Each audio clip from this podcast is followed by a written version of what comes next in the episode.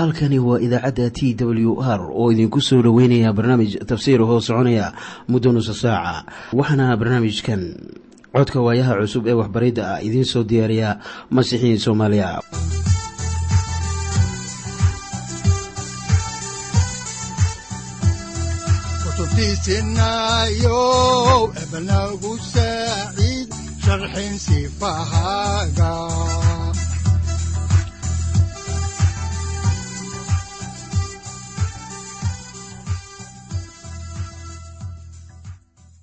ku soo dhowaada dhegaystayaal barnaamijkeenna dhammaantiinba. Waxaan horay u sii wadi doonnaa daraasaadkii la magac baxay baibalka dhammaantii. Waxaanan caawa idiin sii wadi doonnaa cutubka afraad ee kitaabkii labaad ee muuse oo la yidhaahdo baxniintii waxaanan kaga gudbi doonnaa cutubka shanaad. Cutubkan afraad mawduucyadiisu way badan yihiin. Wuxuuna ku bilaabanayaa diidmadii muuse uu diiday inuu israa'iil ka saaro masar. Rumaysaddarridii israa'iil iyo inaannu muuse hadalyaqaan ahayn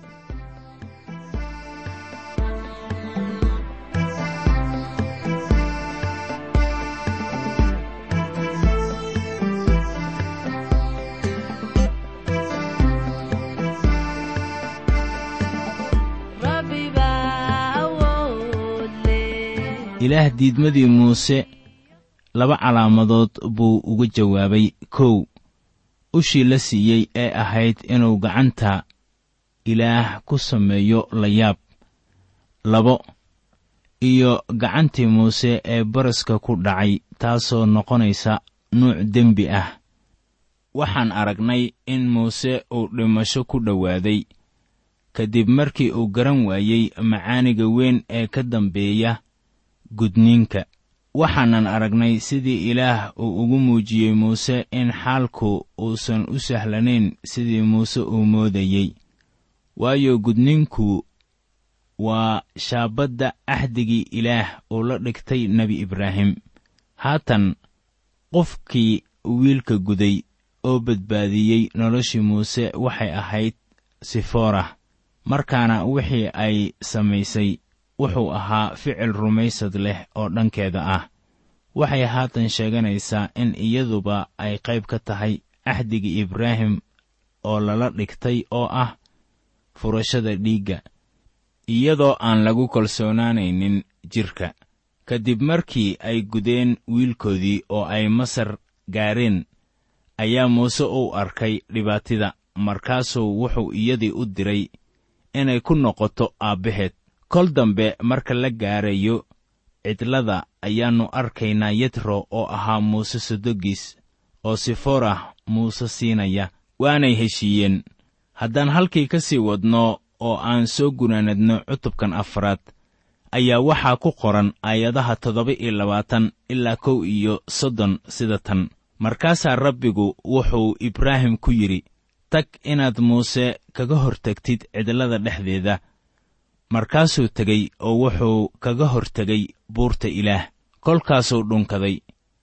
Kolkaasaa muuse wuxuu haaruun u sheegay erayadii rabbiga uu u soo faray oo dhan iyo calaamooyinkii uu ku amray oo dhan.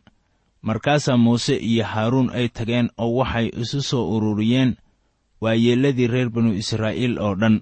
Markaasaa haaruun uu kula hadlay erayadii rabbiga muuse uu u soo faray oo dhan calaamooyinkiina dadka hortiisuu ku sameeyey.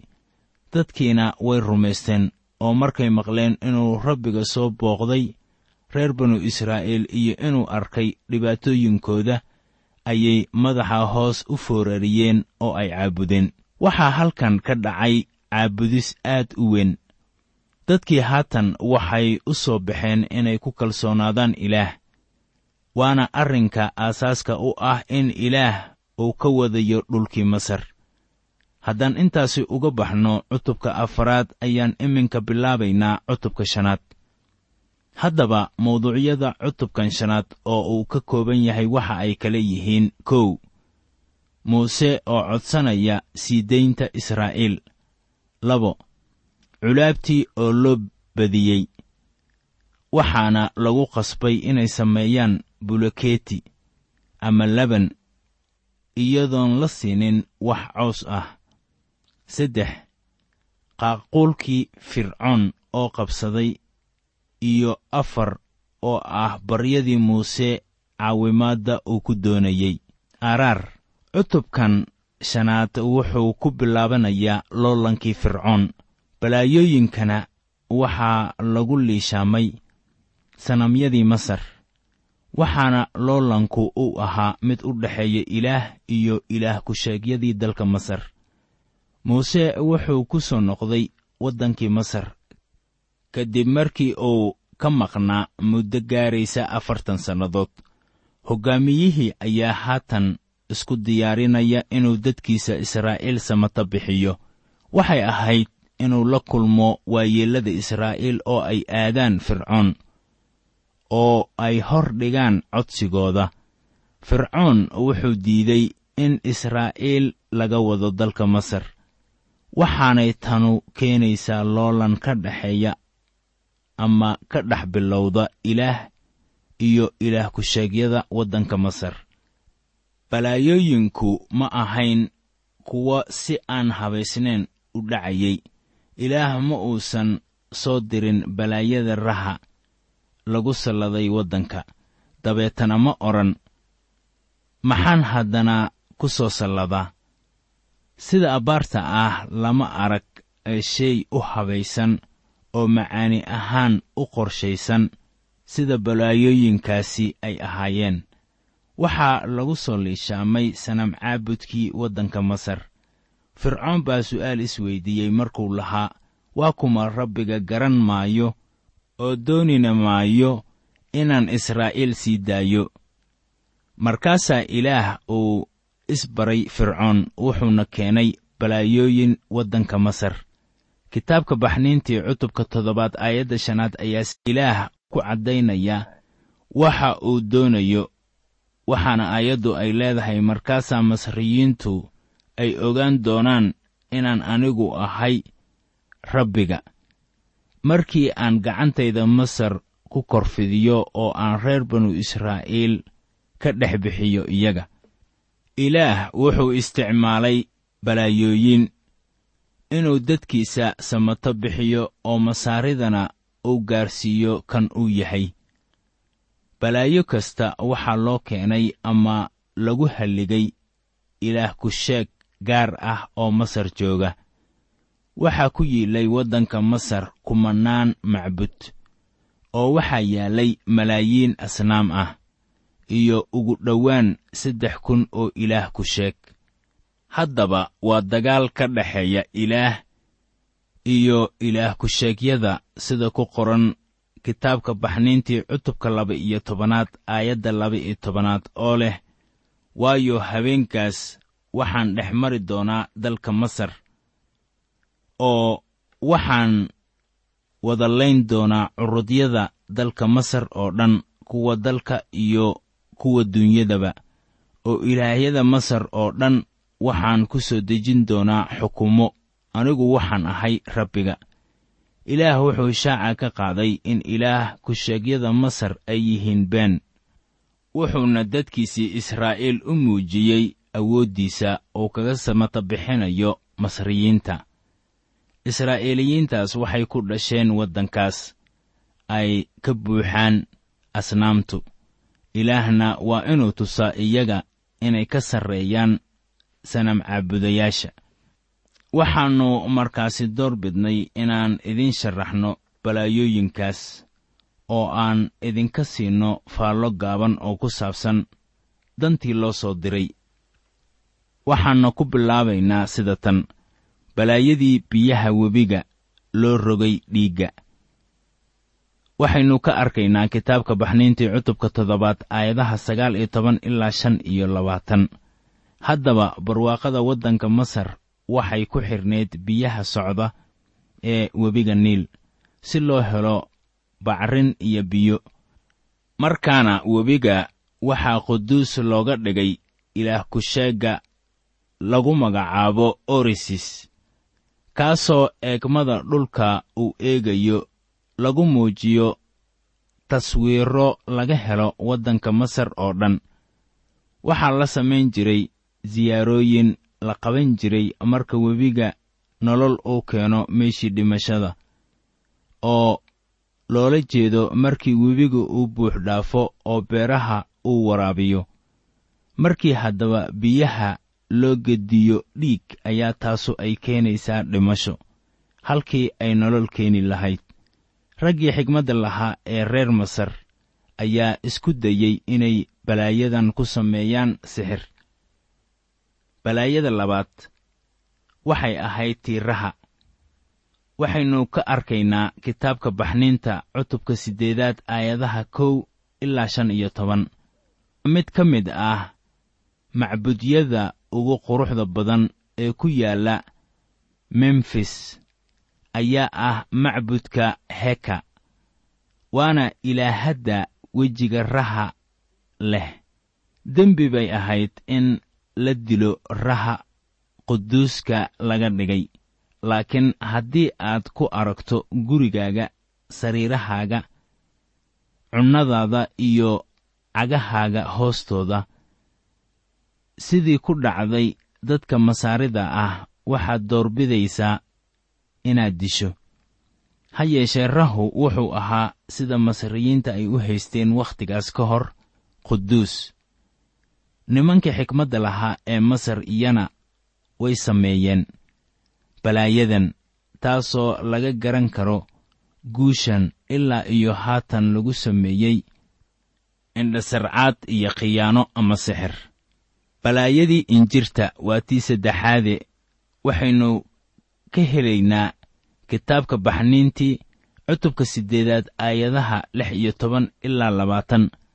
Masaaridu waxay caabudi jireen ilaahad ku-sheegga dhulka ee geeb laakiin dhoobadii dhulka ayaa loo rogay injir dhulka masar oo dhan dhulku wuxuu quduus u ahaa ilaahad ku-sheeggan geeb oo ay haatan nacayaan.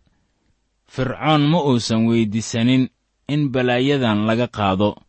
Sixirooyadii masarna ma ayan tarmin karaynin balaayadan injirta loo rogay dhoobadii dhulka.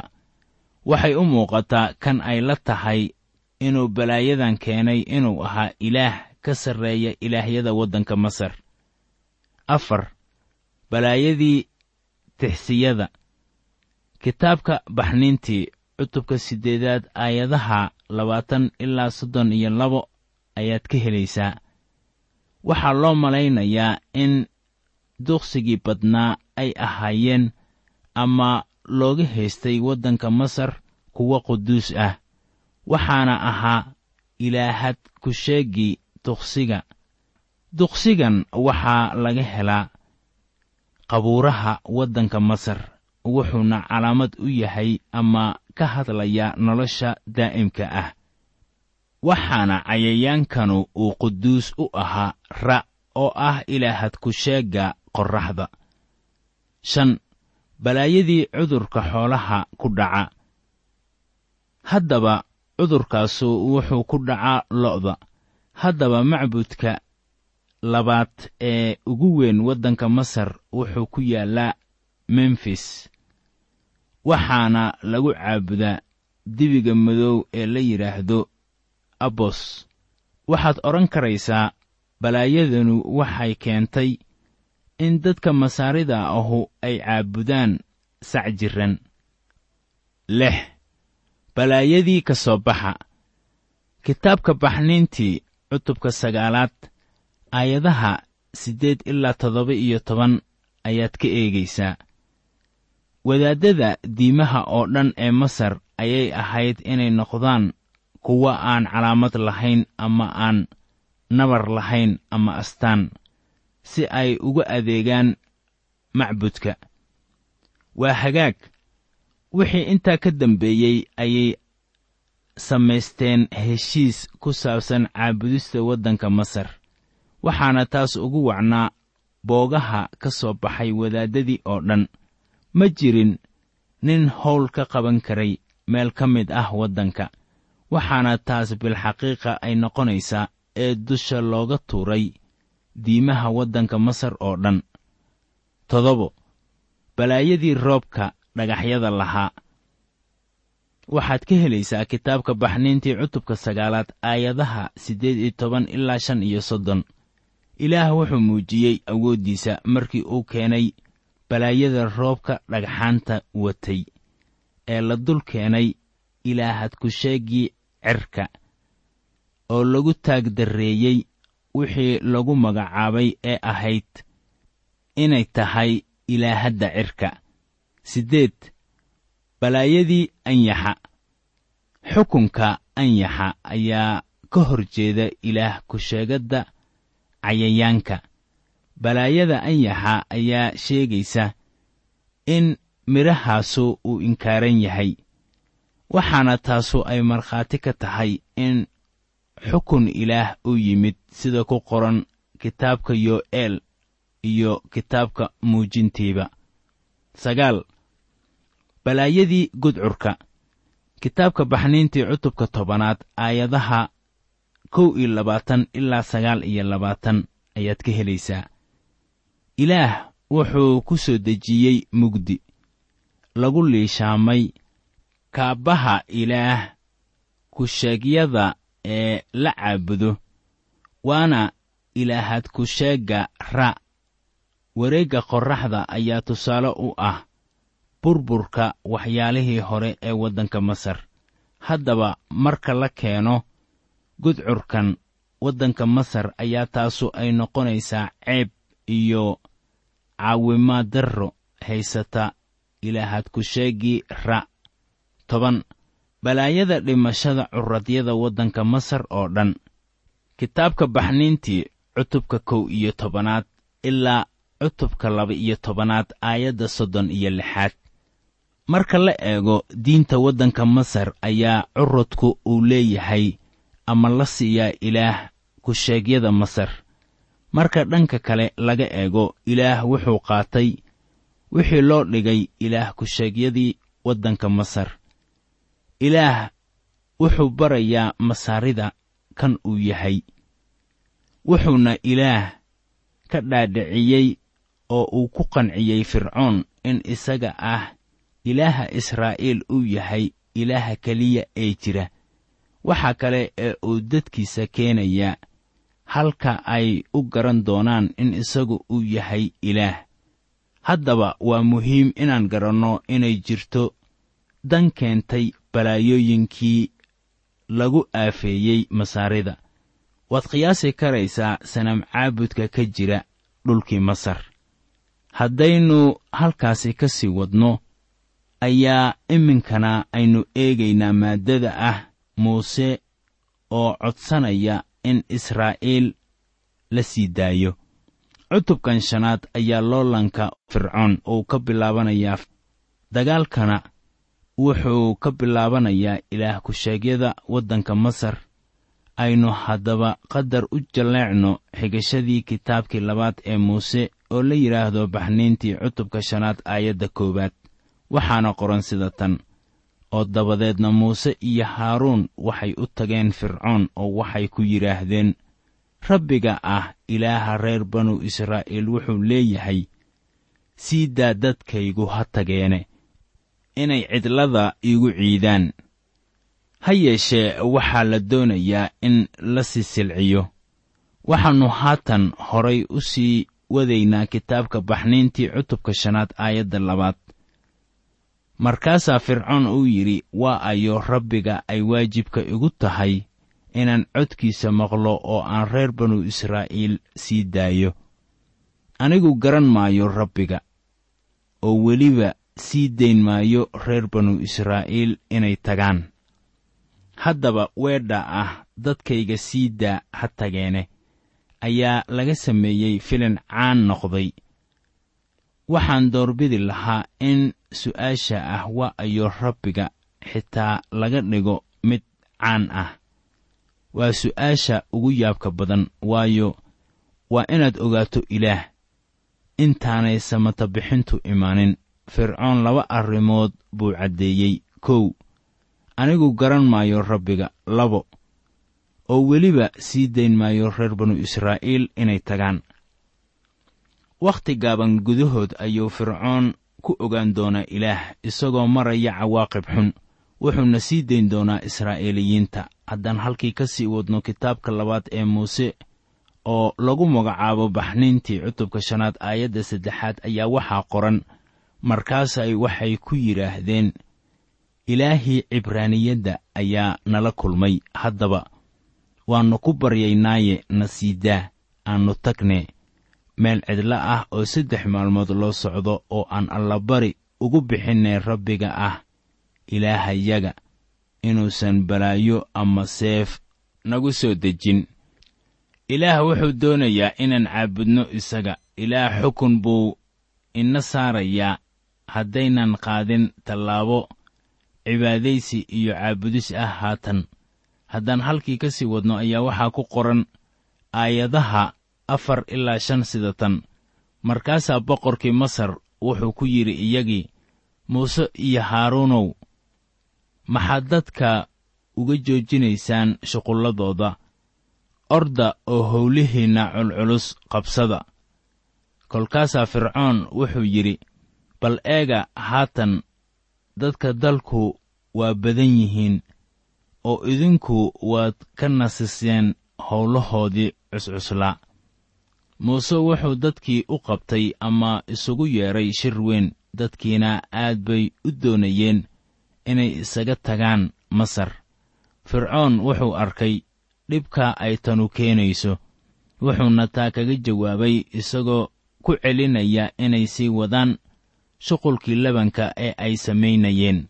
Sidaas ayuu yeelay oo wuxuu kordhiyey dhibkii iyo qaxarkii hayey iminkana aynu eegno maaddada ah howlihii cuslaa ee loo kordhiyey israa'iil. Haddaan halkii ka sii wadno kitaabka ayaa waxaa ku qoran kitaabka baxniintii cutubka shanaad aayadaha lix ilaa siddeed sidatan markaasaa fircoon wuxuu isla maalintaas ku amray kuwii dadka howsha ku cadaadin jiray inay saraakiishoodii isagoo leh hadda dabadeed waa inaydnaan dadka siin coos ay labanka ka sameeyaan sidii loo siin jiray laakiinse iyagu ha tageen oo coos ha soo gurteen oo labankii ay markii hore samayn jireen tiradiisii oo kale waa inaad hadda kadib ku qasabtaan inay sameeyaan oo waa inaydnaan waxba ka dhimin waayo waa caajisiin oo sidaas daraaddeed waxay u qaylinayaan iyagoo leh nasiidaa aannu tagne oo aannu ilaahayaga allabari u bixinne. Fircoon waxay la noqotay in israa'iil ay weyddiisanayso fasax. Markaasuu yidhi haddii ay doonayaan maalin fasax ah waa dad aan howlkar ahayn oo caajisiin ah. Cawska waa in aan loo keenin waxaana lagu qasbay inay sameeyaan laban ka badan kii ay horay u samayn jireen iyagoo weli guranaya coos lagu sameeyo labanka. Howlmaalmeedkoodii sare ayuu u kacay si ay mashquul u sii ahaadaan. Haddaan dib ugu noqonno kitaabka baxniintii ayaa waxaa ku qoran cutubka shanaad aayadaha shan iyo toban ilaa kow iyo labaatan sida tan markaasay saraakiishii reer banu israa'iil waxay u tageen oo ay u cataabeen fircoon waxayna ku yidhaahdeen war maxaad addoommadaada sidaan ugula macaamilootaa?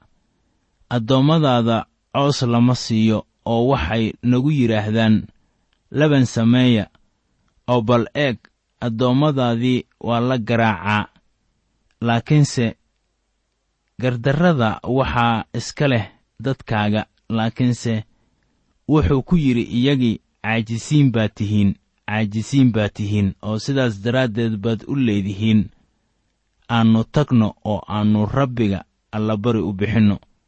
Haddaba taga oo shaqeeya waayo coos laydiin siin maayo oo weliba waa inaad keentaan tiradii labankii oo kale oo saraakiishii reer banu israa'iil waxay arkeen in xaalkoodii uu xun yahay.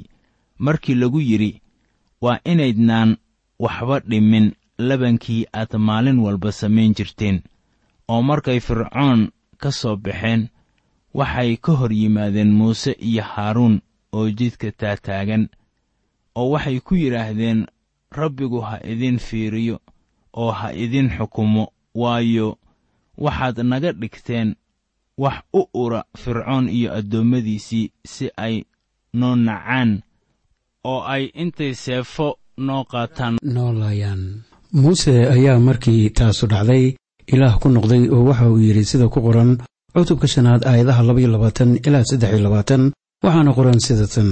Markaasaa muuse mar kale rabbigu u jeestay oo waxa uu ku yidhi rabbiyow maxaad dadkan si xun ugula macaamilootay oo maxaad aniga ii soo dirtay ilaa markii aan u imid fircoon oo aan magacaaga kula hadlay isaga waxun buu dadkan ku sameeyey oo adna dadkaaga kama aad samata bixin innaba.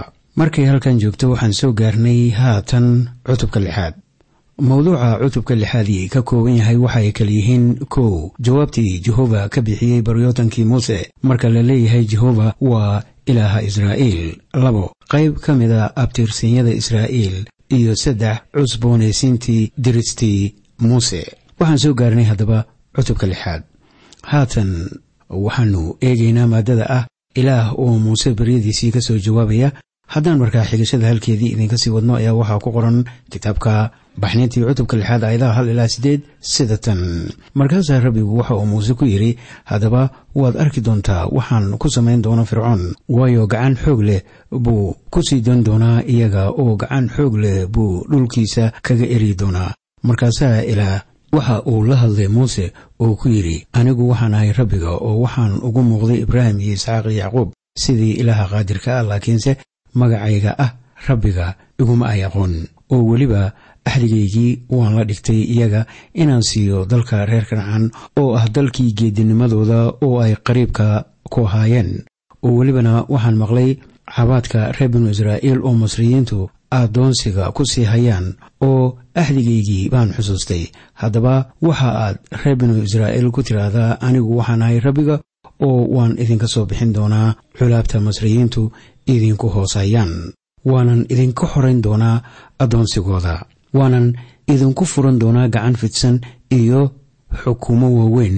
Oo waxaan idin qaadan doonaa dad ahaan oo aan idin noqon doonaa ilaah oo waxaad ogaan doontaan inaan anigu ahay rabbiga ilaahiinna ah oo idinka bixinaya culaabtii masriyiinta oo waxaan idin geyn doonaa dalkii aan ku dhaartay inaan siiyo ibraahim isxaaq iyo yacquub oo idinkan dhaxal ahaan idiin siin doonaa.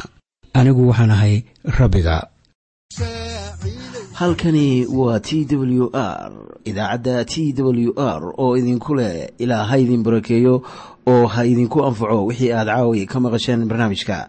Waxaa barnaamijkan oo kalea aad ka maqli doontaan habeen dambe hadahan oo kale haddiise aad doonaysaan in aad fikirkiina ka dhiibataan wixii aad caawi maqasheen ayaad nagala soo xiriiri kartaan som t w r at t w r c o k e haddii aad doonaysaan in aad dejiisataan oo kaydsataan barnaamijka ama aad mar kale dhegaysataan fadlan mar kale booqo www t w r o r g amase waxaad teleefoonkaaga ku kaydsataa ama ku download garaysataa agabyada ku sahli karaa dhegeysiga t w r haddii aad doonayso in laga kaalmeeyo dhinacyada fahamka kitaabka amase aad u baahan tahay duco fadlan fariimahaaga soo mari bogga aaraahda ama kommentska inana jawaab degdeg ah ayaanu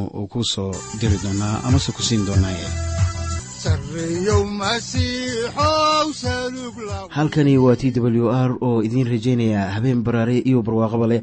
Inta aynu ka gaari doono wakhti aynu ku kulanno barnaamij la mida kan caawayay aad maqasheen. Waxa aan idinku leeyahay nabadda ciise masiix ha idinku badato xagga jidhka iyo ruuxaba. Aamiin